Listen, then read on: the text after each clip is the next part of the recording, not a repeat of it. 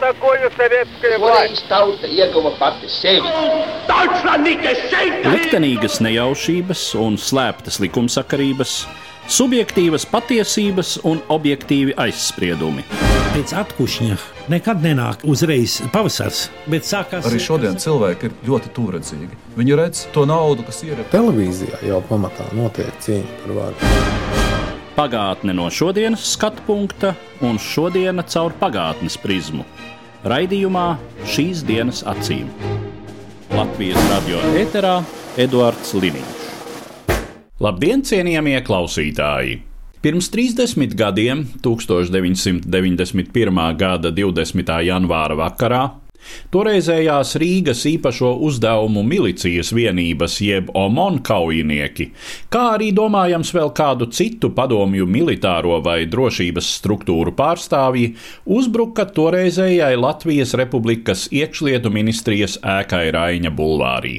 Uzbrukums bija pamatīgi sagatavots, ēkas aizstāvjiem pilnīgi negaidīts, uzbrucējiem bija vairāk kārtīgs pārsvars. Tomēr aizstāvji Bauskas rajona milicijas un ministrijas apsardzes dienesta darbinieki apmēram stundu pretojās. Galu galā uzbrucēji iekļuva ministrijas augšstāvā, kuru aizsargāja tikai trīs apsardzes darbinieki, un to ieņēma. Šajā brīdī nācās izšķirties, vai sūtīt uz ministriju palīgspēkus. Iespējams, tas arī bija uzbrucēju mērķis - izraisīt plašākas bruņotas sadursmes, lai tad iesaistītu padomju armiju un ievestu Latvijā kara stāvokli. Izšķiršanās bija toreizējā Latvijas Republikas ministru kabineta priekšsēdētāja Ivara Godmaņa ziņā.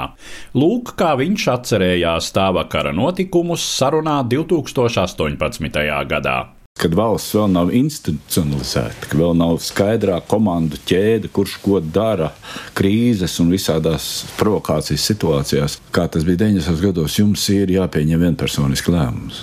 Teiksim, sūtīt cilvēks. Jūtot, ka tur var būt arī letāls iznākums. Jūs sitiet cilvēku, zinām, mērā nav. Es dažreiz to pārdomāju, kā tas bija, piemēram, kad uzbruka iekšlietu ministrijai. Iekšlietu ministrs bija prom, Maznis bija Maskavā. Un iekšlietu ministra vietnieks, uz kuras ļoti paļāvos, arī ārkārtīgi spēcīgs cilvēks, Indriča Kungs, viņš bija aplenkts jau faktiski. Tas uzbrukums bija tik negaidīts, bet tajā pašā laikā bija viena tāda lieta, ko sauc par pērkonu vai gromu krievu valodā. Ka tajā Kiro parkā, tagad Vēmendārzā, sapulcējās ārkārtas situācijā miliči, parasti policisti tur vēl nebija ieročiem, un bija jāpieņem man lēmums konkrēti, vai es sūtīšu viņus uz iekšlietu ministriju vai nē. Es principā biju gatavs to darīt, bet man izglāba viena situācija, un šos cilvēkus izglāba. Tas, ka mani apsardzes cilvēki, kas bija tieši manas vāku cilvēki, tie nebija no kaut kādām citām struktūrām. Viņi man e, nodemonstrēja omonu vilnu uz radiostacijas pārnēsājumus, kurā skaidri varēja dzirdēt, ka viņi ieņemuši jau pēdējo stāvu, piekto un apakšējo. Un tas viens saka, nepieciešams reaktīvās iekārtas, nozīmē, acīm redzot, kaut ko tādu, ko šauj no pleca tankdūrs, tā varētu teikt. Un tas trakākais, vai ir nepieciešams motostrēlnieku pulka piesagums. Un tad ir skaidrs, ka, ja es dodu šo komandu un ļoti daudz upuru, un es domāju, ka, ka es domāju, varbūt, ko es darīšu, tad gan drīzāk pašam jāiet līdzi. Starp iekšlietu ministrijas aizstāvjiem to vakar bija arī milicijas darbinieks Renārs Zaļais, kurš apšaudē ar omoniešiem tika smagi ievainots.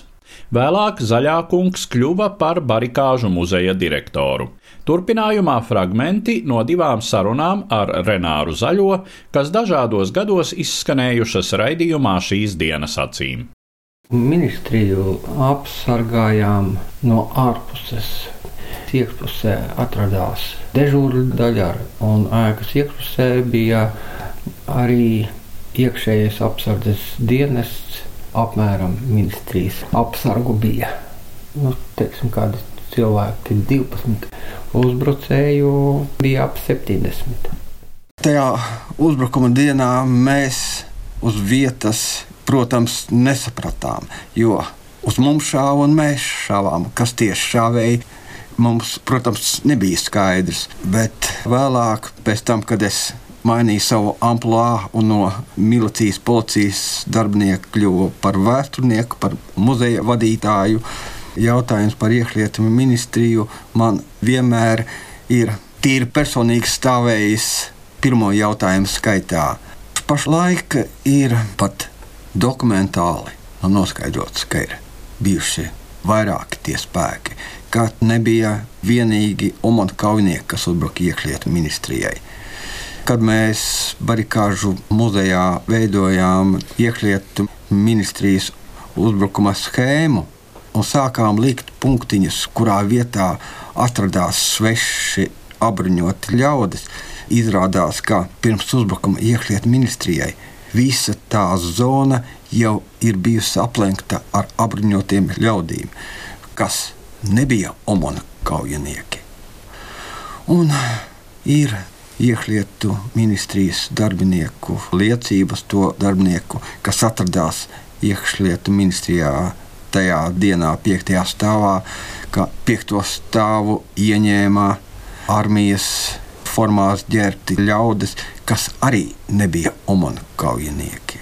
Un ir vēl viena tāda netieša liecība. Andras Lapiņā atraidne Natālija Djušena man pastāstīja, ka ir lasījusi Maskavas laikrakstos viena alfas kaujinieka atmiņas. Diemžēl viņa to laikrakstu mums uz muzeju atvedus nav, tā kā es tikai pārstāstu viņas teikto, ka alfas kaujinieks teicis, ka viņu vienība ir pildījusi uzdevumus Viļņā, viņi ir pildījuši uzdevumus Rīgā, bet kad viņiem deva uzdevumu doties pret iedzīvotājiem pie Baltā nama, viņi ir atteikušies to uzdevumu pildīt. Jo kā mēs iesim uzbrukumā pret savējiem, tā ir vēl tāda netieša liecība, ka arī Alfas kaujinieki piedalījās.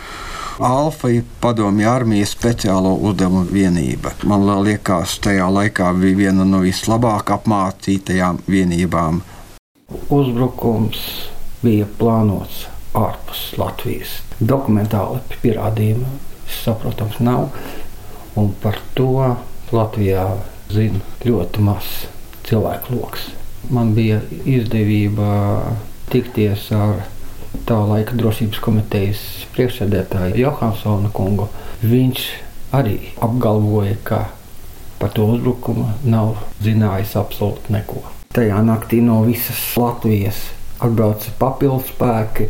Ja viņi būtu devušies uzbrukumā ministrijai, tas cilvēku daudzums būtu ielu cīņas. Un tajā mirklī Baltijas kara apgabala virspavēlnieks varētu dot komandu. Rīgā ielu cīņas un jāieved armija. Omonieši nomākuši ministrijas aizstāvju pretošanos pavadīja ieņemtajā ēkā vien dažas stundas.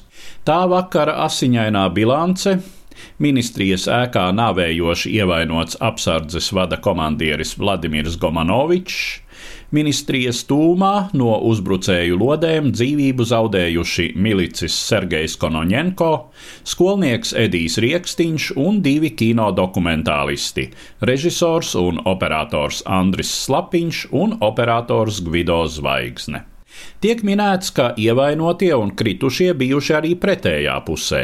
Tomēr savu mērķi provokācija 20. janvārī nesasniedza, un jau nākamajā dienā augstākās padomes priekšsēdētājam Anatolijam Gorbunovam Maskavā tiekoties ar Mihailu Gorbačovu, padomju līderis izteica solījumu pārtraukt bruņotas akcijas Latvijā. Visumā šis solījums arī tika turēts līdz pat apvērsuma mēģinājumam Padomju Savienībā tā paša gada augustā. Tātad janvāra barikādes savu mērķi bija sasniegušas. Raidījuma turpinājumā piedāvāju jūsu uzmanībai fragment no 2016. gada ieraksta, kurā dzirdēsiet barikāžu 25. gada dienai veltītas paneļdiskusijas dalībnieku viedokļus. Filozofes Maijas Kūles darba vietā 1991. gada janvārī atradās Vecrīgā barikāžu loka iekšpusē. Turpinājumā viņas secinājumi. Es gribu teikt, ka tas, kas notika barikādēs, tas bija attiecības simboliskajā, garīgajā pasaulē. Jo visi militāristi smējās, nu viņi pasaka, nu 5 minūtes, nu 20 minūtes, nu mēs tā kā jūs ieņemsim. Nu. Bet cīņa jau vēsturē vienmēr notiek par vērtībām, idejām, par garu, ko cilvēki domā, ko viņi aizstāv un par ko dod dzīvības. Un augstākā likme katram ir dzīvība atdot. Mūsu paudzei tā bija visaugstākā likme, kas mums vispār mūžā ir bijusi. Mēs neesam kara paudze, vismaz ne manējā. Ja? Jo tad, kad tu ej uz barikādēm, visi saprata, te var nošaut. Vienkārši var sagadīties un tevi nošaus, un tūkstoti nošaus. Un šīs barikādes un tas laiks bija ļoti eksistenciāli estētisks. Tas jocīgi skan, bet paskatieties tagad ar distanci. Uh, fotogrāfijas, video, nu cik nu katram tas uh, labi ir bijis iespējams nofilmēt. Skaista tauta labi ģērbta tauta, ne sevišķi smalki paēdusi, un mašīnas nav smalka, žigulīši. Un šī tauta dzied. Tas ir šis augstākā estētisma sajūta, ka te uzbrūk, un tu esi tik garīgi, tīrs, stiprs, tu dziedi savas tautas dziesmas, un tev šaunost. Arī tas, kā cilvēki izturās. Nu, toreiz visi kā dzirdēja, nezog, nav tādu kriminālistu, atslēdzam durvis, iedodam svešiniekam ēst. Un barikādas ir tīras, viņas ir garīgi tīras, un vēl viņas ir fiziski, materiāli tīras. Viņās nav atkritumu. Acīm redzot, deg uguns, kur ir janvāris, un krūzītes, nu, tādas visādi papīri vai kas, viņi iet uz ugunskuriem. Un vēl viens moments. Stāv mašīnas, stāv traktori, baļķi, bet tie visi ir darba rīki. Mēs esam strādīga tauta. Mēs atvācām uz nedēļu darba rīkus. Un ko dara Omons? Omons Stulbeņi vispār jāsaka, viņi šauj pa darba rīkiem, viņi noniecina darbu. Un saprotiet, barikāda šādā simboliskā līmenī viņi nes zīmes, viņi nes tēlus, viņi rāda, kas tā ir par tautu un vai viņa ir pelnījusi valsti. Un, ja tā no malas tagad paskatās, tādi tāli, tāli cilvēki kaut kādi, nu, sajūta ir, viņi ir pelnījusi valsti. Viņa nav cilts, viņa nav vardarbīga, viņiem, viņiem tās pienākās. Arī Romas katoļu baznīcas Rīgas arhibīskaps metropolīts Zbigņevs Stankevičs bija aktīvs trešās atmodas dalībnieks, darbodamies Latvijas Poļu Savienībā. 1991. gada janvāra notikumus Rīgā tobrīd topošais priesteris vēroja no attāluma. Viņš studēja Ljubljanas Katoļu Universitātē Polijā. Turpinājumā arhibīskapa pārdomas par barikāžu laika nozīmi rezultāts barikādēm nu, tomēr ir tā brīvība, ka Latvija ir brīva, neatkarīga valsts. Protams, barikādes nebija vienīgais faktors. Gan tā Amerikas prezidenta vēstule, gan tas, ka ārzemēs e, skatījās uz rokām padomju režīmam, ka Maskavā tie 200 tūkstoši izgāja ielās. Es domāju, tie visi bija tādi pilieni, kuri beigās kļuva par straumi, kas pārrāva to aizsprostu. Tomēr, ja nebūtu barikāžu, nu tad trīs omonieši atnāktu, paņemtu augstāko padomju un viss būtu beidzies. Es domāju, barikādēm bija ļoti svarīga nozīme. Tātad rezultāts - brīvība. Tālāk, otrais, ko barikādes parādīja, ka vienotība ir iespējama. Un vienotība ne tikai latviešu starpā, ar ko arī, kā mēs zinām, nav viss bez problēmām, bet arī faktiski visu Latvijā dzīvojošo tautību pārstāvju starpā, tā skaitā krievu, kuri nerunā latviešu, kas ir tas interesantākais. Ka tas ir iespējams, un domāju, tā ir tāda cerības zīme arī nākotnē, jo tas nav mazāk aktuāli tagad, šodien. Tad man ir uzreiz jautājums, ja vienotība, tad uz kādas bāzes? Viens, es domāju, ka visiem, kā mēs teikt, bija piegriezies, nebrīves atmosfēra, tie ideoloģijas žņaugi, ka tu nevari brīvi runāt, ka tu nevari pat, teikt, brīvi domāt, ka tu neesi brīvs savās izvēlēs, ka kāds cits izlem tavā vietā. Lūk, tas, ka visiem bija līdz kaklam, un ne tikai latviešiem, bet visiem, un šai ziņā tas bija atpazīts, bet tas prasīja 50 gadus. Es domāju, pirmais atpazīšanas etaps bija tā bija praktiskā pieredze, jo es domāju, arī šeit droši vien nav tāda, kura ģimenē kāds nebūtu bijis izsūtīts. Man, piemēram, ir vairāki vai ne, un vecāki man arī bija sarakstā iekšā. Bet viņi aizbēga dienu iepriekš un tāpēc izglābās. Tā tad pieredze. Otrais, nu, tomēr tā bija sabiedrības izglītošana, ka pakāpeniski, pakāpeniski sabiedrībai tomēr līdz apziņai nonāca, ka tā ir ideoloģija, ka tie ir žņaugi un ka tā ir nebrīve. Un tas jau bija kļuvis skaidrs, un visi tā kā cēlās un gribēja to nokratīt. Lūk, tas bija uz šīs bāzes. Nokratīt ideoloģiju un iegūt brīvību. Un tagad tas, ko es gribu pasignalizēt un aktualizēt to, ka atkal šodien tas nav mazāk svarīgi. Protams, mēs esam brīvi, bet mēs zinām, ka tā brīvība ir. Izskanēja, ka katru gadu tev vajag no jauna to izcīnīt, vai ne? Konsolidācijas jautājums, vienotības jautājums, es domāju, nav mazāk svarīgs, un politiskās spēles, kas notiek pēdējās nedēļās, to arī skaidri parāda. Respektīvi, šis izaicinājums atkal, kā mums panākt vienotību, uz kādas bāzes. Un es domāju, ka šeit Zinātņu akadēmijai varētu būt ļoti svarīga loma, jo Zinātņu akadēmija nu, tās ir tās Latvijas, var teikt, smadzenes. Un tagad noformulēt to platformu, to vienotības platformu, nospraust mērķi un tad konsekventi mēģināt ap šo mērķi to sabiedrības enerģiju konsolidēt. Jo tas, kas tur notika barikāžu laikā, es Nepiekrītu tam, ka tās bija em, tikai emocijas. Jā, tās bija emocijas, bet tās emocijas kopā ar visu pārējo viņas radīja teikt, garīgu sprādzienu, garīgas enerģijas atraisīšanu. Un tikai tāpēc bija arī tie paliekošie augļi. Mediju eksperts Aleksandrs Mirļins 1991. gada janvārī bija Latvijas augstākās padomes preses centra vadītājs. Turpinājumā viņa pārdomas. Domāju, ka šis jautājums skan katru barikāžu gada dienu, vai tā nebija kļūda, neapbruņoti cilvēki uz barikādiem. Manuprāt, ir sajauktas divas etiskas kategorijas. Ja totalitārais valsts sūta cilvēkus uz nāvi, tā ir viena lieta.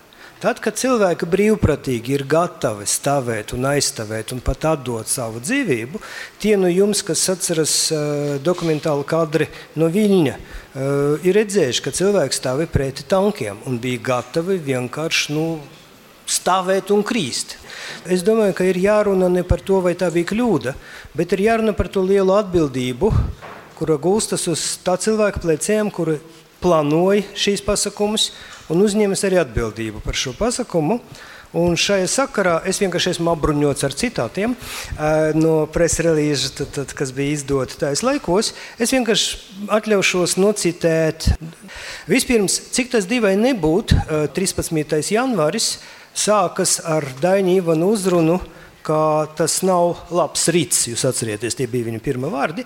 Bet jau desmitos sanāk augstākas padomus prezidija, kur starp citiem jautājumiem bija apspriest arī jautājums par to, ka Citēju. Tāpat prezidija ierosināja apspriest iespēju pieņemt lēmumu par brīvdienas noteikšanu skolēniem un studentiem, kā arī vecāku aicināšanu parūpēties par to, lai bērni neatrastu uz ielām un vēlams pat tiktu izvēsti no Rīgas. Ja? Prezidijas desmitos lēma par šīm lietām. Ja? Un tas ir viens no atbildības izpausmēm. Tad, kad mēs mēģinām vērtēt barikāžu laikā nozīme gan taislaikos, gan arī šodien.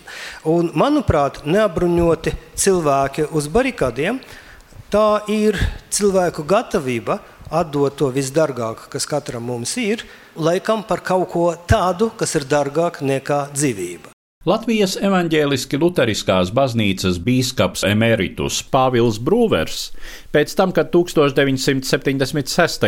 gadā kā disidents tika izsūtīts no Padomju Savienības, dzīvoja Rietumvācijā. 1991. gadā viņš bija Radio Brīvā Eiropa Latviešu redakcijas žurnālists. Jā, no ārpus Latvijas, latviešu vidē, nu neviens nepaliek vienaldzīgs pirmkārt jau tās sajūtas atkal ļoti dažādas. Ja. Tāds varētu teikt, tāds vispārējs pacilājums. un tāds lepnums. Ja, jo mums tādā ārpus Latvijas dzīvojot, likās, ka latvieši tā kā nospiest uz ceļiem un ir vēl stipri jāaug, lai izcīnītu brīvību. Un te mēs ieraugām, ka te ir tauta tik vienota, iet uz barikādēm. Un tad tā sajūta vienam otram bija tādas tā kā gan izvēle kā vainas apziņa. Gribētos būt kopā. Un arī mums eh, Rādio Brīvā Eiropa eh, redakcijā bija tāda sajūta, ka ļoti gribētos tagad būt Latvijā. Iespējams, varbūt tieši tāpēc, ka tas bija tik bīstami, tas bija tik nopietni. Ir ļaudīm tomēr dažas lietas vērtīgākas par dzīvību. Un ja to neļauj piepildīt, tad, tad cilvēki nelaimīgi. Es atceros, es kādreiz vēl mm, tajos stagnācijas gados braucu arī pa Latvijas centriem Amerikā. Un tad tur ļaudis eh, padzirdējuši, ka es ar tām neatkarības eh, kustībām darbojos, un viņas tā mēģina stiprināt. Tad viņi man tādu pārmet. Viņi saka, kā skaties, ka tur daži cilvēki nonākuši ir ieslodzījumā uz daudziem gadiem, un kas zina, varbūt kādam vēl būs dzīvība jādod, vai man tomēr nav sirdsapziņas pārmetumu, ka es esmu vainojams pie tā. Tad tā man atbild bija tieši tāda līdzīga. Saka, tad tomēr cilvēkam, kuram ir sirdī tā vēlēšanās likta kalpot savai tautai, kalpot ļaudīm, kalpot kādam ideālam, kas ir vairāk nekā dzīvība vērta, tam ir jādod iespēja. Jo citādi, ja tādu iespēju viņam nedos, viņš kļūs nelaimīgs, viņš var aizies bojā kaut kur nodzēries, nosprāgs kaut kur grāmalā. Labāk, lai viņš iet ar paceltu galvu cīņā. Tas viss bija tāds, tāds milzīgs pacilājums un tāda liela darba laiks. Un jāsaka tā, ka tas arī vienoja Latvijas un trimdas latviešus. Ja. Varbūt pirms tam trimdas latviešiem likās, ka viņi kaut kādā veidā ir lielāki cīnītāji, bet nu, viņi saprata, ka nē, te Latvijā ir vīri un sievas, kas ir tiešām varoņi. Un vēl barikāžu laika vērtējums vairāku vēsturnieku skatījumā. Fragments no sarunas ar Helsinku Universitātes pētnieci Unu Bergmani, Baltijas Startautiskās akadēmijas lektoru Edgars Engīzeru un Latvijas Universitātes Latvijas Vēstures institūta pētnieci Kristīni Beķeri. Ka tā uzvara ir būtiska, un tur nav runa par emocijām, bet arī ar skaidru prātu, analizējot tos vēstures notikumus, Tā uzvara ir būtiska, un iespējams, ka mums vēl nav pietiekoši daudz to um, vēstures avotu, lai saprastu, cik tieši viņi ir nozīmīgi. Tas nav tikai jautājums par Baltiju, kas ir svarīgs teiksim, mums, bet tas ir jautājums par Padomju Savienību. Ja šie konservatīvie spēki būtu varējuši realizēt to, ko viņi bija iecerējuši Baltijā, varbūt viņi tikai pamēģināja, cik tālu viņi var iet, varbūt viņiem bija plāns kaut kam lielākam, kas sāktos Baltijā un turpinātos pārējā padomju savienībā. Tas bija mēģinājums Augustu pučam. Ja šiem konservatīviem spēkiem tas būtu izdevies, tad padomju savienības sabrukums vai tieši nesabrukšana, tas viss varēja pavērsties savādāk. Ir ļoti liela nozīme šiem barikāžu aizstāvjiem. Tādēļ, ka Gorbačovam viņa starptautiskā tēla dēļ viņš vienkārši nevarēja pieļaut to, ka Rietumē Eiropas žurnālistu acu priekšā un Rietumēropas politiķu acu priekšā, tādēļ, ka tajā laikā ieradās Baltijā Lietuvā, viņa polijas parlamentāri šajās parlamentā. Bija arī Islandes ārlietu ministrs, kas pēc tam ieradās Baltijā, ka viņu acu priekšā tiek nogalināti civiliedzīvotāji. Tieši šīs barikādes, šī civiliedzīvotāja gatavība uz viņām arī palikt, pat ja notiek šis uzbrukums, ka tas bija ļoti būtisks elements, kas mainīja visu to notikumu gaitu. Bija spiediens no rietumu valstīm. Teiksim, ASV prezidents ļoti skaidri jaunajam padomju savienības ārlietu ministram teica, ja šīs spiediens Baltijā turpinās un militāro papildus spēku klātbūtne viņi arī turpinās, tad ASV nevarēs sniegt to ekonomisko palīdzību, ko viņi būtu gribējusi. Un Bušs to ļoti skatīts, ka kongress nekādā gadījumā neatbalstīs. Pat ja prezidents mēģinātu šo ekonomisko palīdzību turpināt sniegt, tad kongress to neatbalstīs. Un, teiksim, Kanāda arī apturēja daļu no savas ekonomiskās palīdzības Padomju Savienībai. Es arī gribēju izcelt tieši to, ka barikādas Rīgā un notikumi Baltijā kā tādi ir neatņemama Padomju Savienības sabrukuma sastāvdaļa. Un, ja šie notikumi būtu norisinājušies savādāk, tad arī šis sabrukums būtu norisinājies savādāk. Jo otra daļa no šī barikāžu laika rezultātu lomas ir tieši Baltijas tautu, pirmkārt, neatkarības apziņa, otrkārt, arī rietumu orientācija un demokrātisko vērtību izcelšana kas varbūt ir daudz ilgstošākas sekas nekā tikai Padomju Savienības sabrukums. Un gal galā arī šī Latvijas tautas vienotība, kas barikādēs parādās un iedod ļoti būtiski impulsi arī turpmākajām savstarpējām attiecībām starp dažādām etniskajām grupām Baltijā, kas iet šo rietumu demokrātisko attiecību modeli turpmākajos gados. Un faktiski es teiktu, ka tās sabiedrības modelis, tā pārvaldes iekārta, kas mums ir šobrīd, vai kādam viņa patīk, vai kādam nepatīk, ir tieši barikāžu sasniegumu vai šīs nosacītās uzvaras rezultāts. Un, ja tā pavisam plaši un bez emocijām, tad barikādas ir arī viens konfliktu risināšanas iespējamu variantu piemērs. Tātad tā, nevardarbīgas pretošanās formas, piemērs veiksmīgs nevardarbīgas pretošanās formas, kas lieliski demonstrē tieši to, ka ne jau tās barikādas kā fizisks šķērslis, bet tas, ka uz viņām atrodas neapbruņoti cilvēki, tas spēj kaut kādā veidā ietekmēt situāciju, varbūt neļaut pieņemt kaut kādus lēmumus, kas citādi tiktu pieņemti. Un, zināmā mērā, kā arī konferences nosaukumā ir tā piebilde barikādas un tās mācības, ka tā varbūt ir viena no tām mācībām mūsdienu pasaulē, kur mēs dzirdam vēl joprojām vairāk un vairāk par terorismu un bruņotiem kaut kādiem mēģinājumiem savus intereses aizstāvēt. Ka šis ir varbūt tas alternatīvais piemērs, kā to var darīt mierīgā, nevardarbīgā ceļā. Var teikt, ka barikādas arī apvienoja latviešu tautu, kas otrā pasaules kara rezultātā tika sadalīta. Tie tur rietumos saprata, ka tie tur padomju savienībā par neatkarīgu Latviju domā varbūt ne mazāk kā viņu. Un savstarpējā pretnostatīšanās, kas augstākā kara laikā bija izveidojusies, izzuda tieši uz barikādēm. Lielā mērā jau jūs atbildējāt uz jautājumu, ar kuru es gribu noslēgt mūsu sarunu. Jūs uztverēt, cik lielā mērā barikādas joprojām ir Latvijas sabiedrībai nozīmīgs atskaites punkts domājot par savu pilsonisko stāju, par savu valstiskumu apziņu? Es domāju, ka viņas nav pietiekoši nozīmīgas. Es domāju, ka mēs vēl tikai nākošajos gados un gadu desmitos, jo vairāk būs pētījumu, jo vairāk varbūt sabiedrība apzināsies par to barikāžu nozīmīgumu, par to lomu, kādu katrs cilvēks patiesībā viņās spēlēja. Un es domāju, ka valsts kā līmenī radīsies labāka izpratne par to, kā mēs to savu identitāti varam veidot, domājot par barikādēm. Runājot nelielās paralēlēs, Pirmkārt, barikāžu laika ir jāsaist kopā ar neatkarības atjaunošanas procesu kopumā. Bet, ja mēs runājam par to lomu, to nozīmīgu, man gribās salīdzināt ar brīvības ziņām 19. un 20. gadā, kas ir tieši tāpat saistīts ar valsts proklamēšanu 18. novembrī. Nepietiek valstī proklamēt, nepietiek izdot deklarāciju par valstiskumu atjaunošanu, ka ir šis diezgan sāpīgais, sarežģītais process, kad tas tiek nostiprināts gan starptautiski, gan nostiprināts arī iekšpolitiski pašā sabiedrībā. Un es teiktu, ka barikāžu loma varbūt ir jo svarīgāk tieši sabiedrībā nostiprināt to, kas tad ir šī Latvijas republika, jo divvaldības periodā viņi varēja arī izveidoties ļoti dažādi. Es piekritīšu Unai, ka mēs vēl varbūt nepietiekami sabiedrībā apzināmies tiešām to barikāžu lomu un varbūt arī nepietiekami ikdienas tādās problēmās un valsts pārvaldes trūkumos nepietiekami novērtējam neatkarības atjaunošanas lomu, bet ko mēs atcerēsimies no Latvijas vēstures pēc 100 un 200 gadiem, ne jau to, ka mums varbūt ministrs nebija tāds vai šitāds, bet tas neatkarības atjaunošanas periods noteikti būs tas, ko mēs atcerēsimies kā vienu no centrālajiem punktiem. Un barikādas savukārt ir atkal viens no centrālajiem punktiem, viens no tādiem kulminācijas punktiem atmodas procesā. Līdz ar to mūsu šodienas raidījums izskan.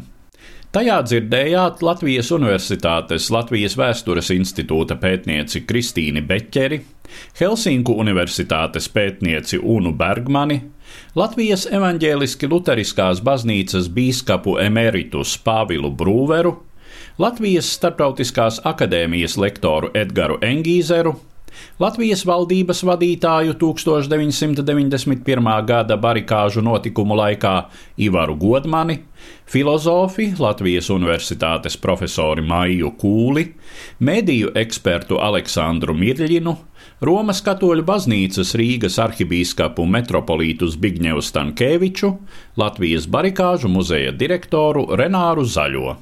Uz redzēšanos, cienījamie klausītāji! Par pagātni sarunājas Eduards Līniju.